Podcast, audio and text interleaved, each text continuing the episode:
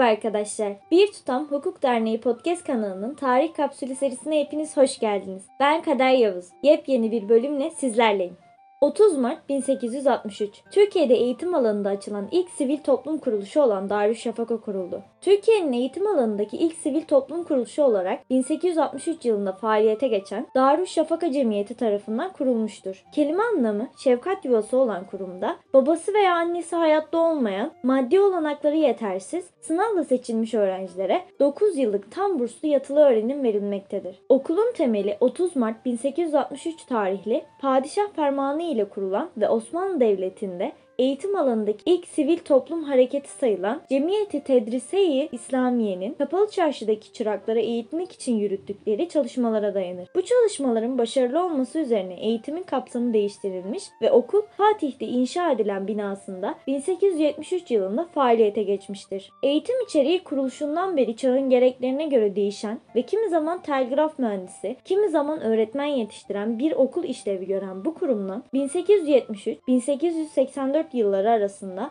mezun olanlar yüksekokul mezunu sayılmıştır. Günümüzde okul eğitim Maslak'taki binasında sürdürür. Lise bölümü Özel Darüşşafaka Lisesi adını taşır ve kolej statüsündedir. Öğrencilere sunduğu eğitim ve sosyal imkanlar açısından ülkenin en iyi eğitim kurumlarından birisi kabul edilir. 1 Nisan 1963 Eski Cumhurbaşkanı Celal Bayar intihar edeceğini açıkladı.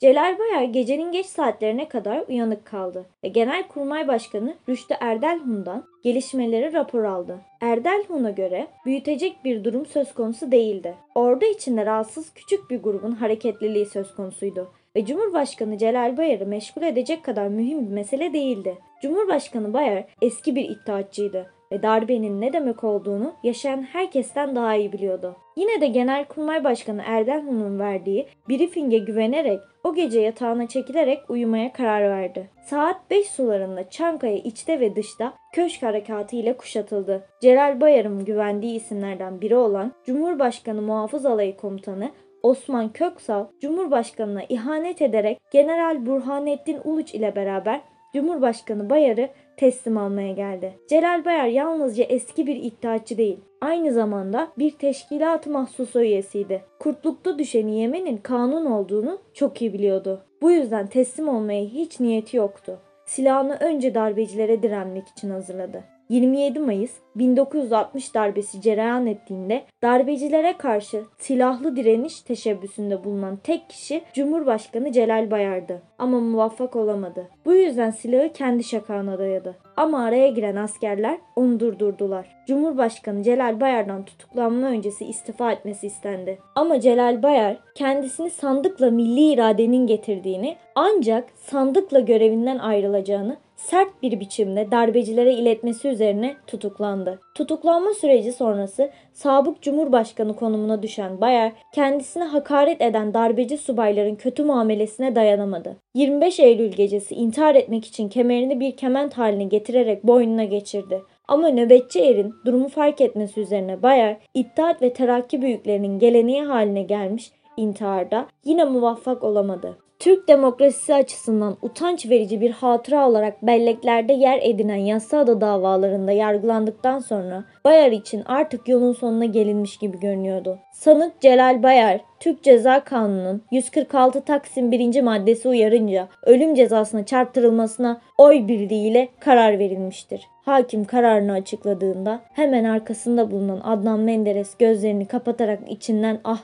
geçirirken Celal Bayar hiç tepki göstermemiş. Kararı büyük bir olgunlukla karşılamıştı. Mahkeme Cumhurbaşkanı Celal Bayar için verdiği idam kararını ilerlemiş yaşını gerekçe göstererek ömür boyu hapis cezasına çevirdi. Oysa Celal Bayar kendisine darbe yapanlardan da ona idam cezasını verenlerden de uzun yaşayacaktı. Tarih vicdanında ve halk nezdinde cuntacıların nasıl mahkum olduğunu görecek kadar uzun bir hayat yaşayacaktı. Bayar 22 Ağustos 1986 yılında İstanbul'da hayata gözlerini yumdu. 2. Abdülhamit, Enver Paşa, Atatürk, İnönü, Menderes başta olmak üzere Türk demokrasisi için kırılma noktaları olarak kabul edilen en kritik dönemlere yalnızca şahitlik etmedi. Bu dönemlerin en önemli faillerinden birisi oldu.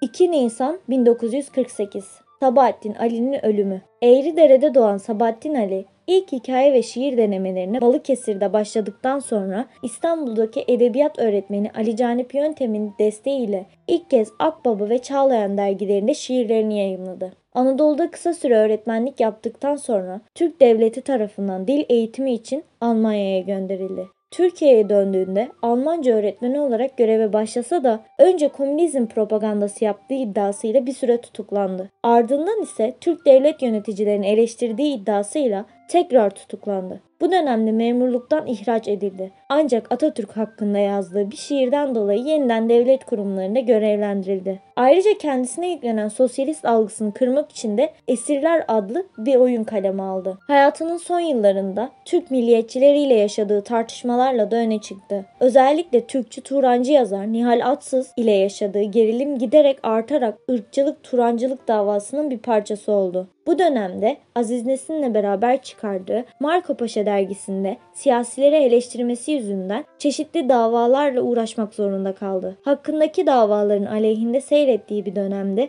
Türkiye'den ayrılmak istedi ve Bulgaristan sınırını geçmek isterken kendisine kaçma girişiminde rehberlik eden Ali Ertekin tarafından milliyetçi gerekçelerle öldürüldü. Çoğu kişinin merak ettiği Sabahattin Ali'nin soyadı ne sorusunun yanıtı aslına bakarsanız Şenyuva'dır. Soyadı kanundan sonra ailesi Şenyuva adını seçmiştir. Ancak Sabahattin Ali babasının ön adı olan Ali'yi kullanmıştır. Bunun nedeni babasına olan sevgisidir. Yazar soyadını bu yönde değiştirebilmek için nüfus müdürlüğüne gitti. Fakat Ali ismini soyadı olarak kullanmasına izin verilmedi.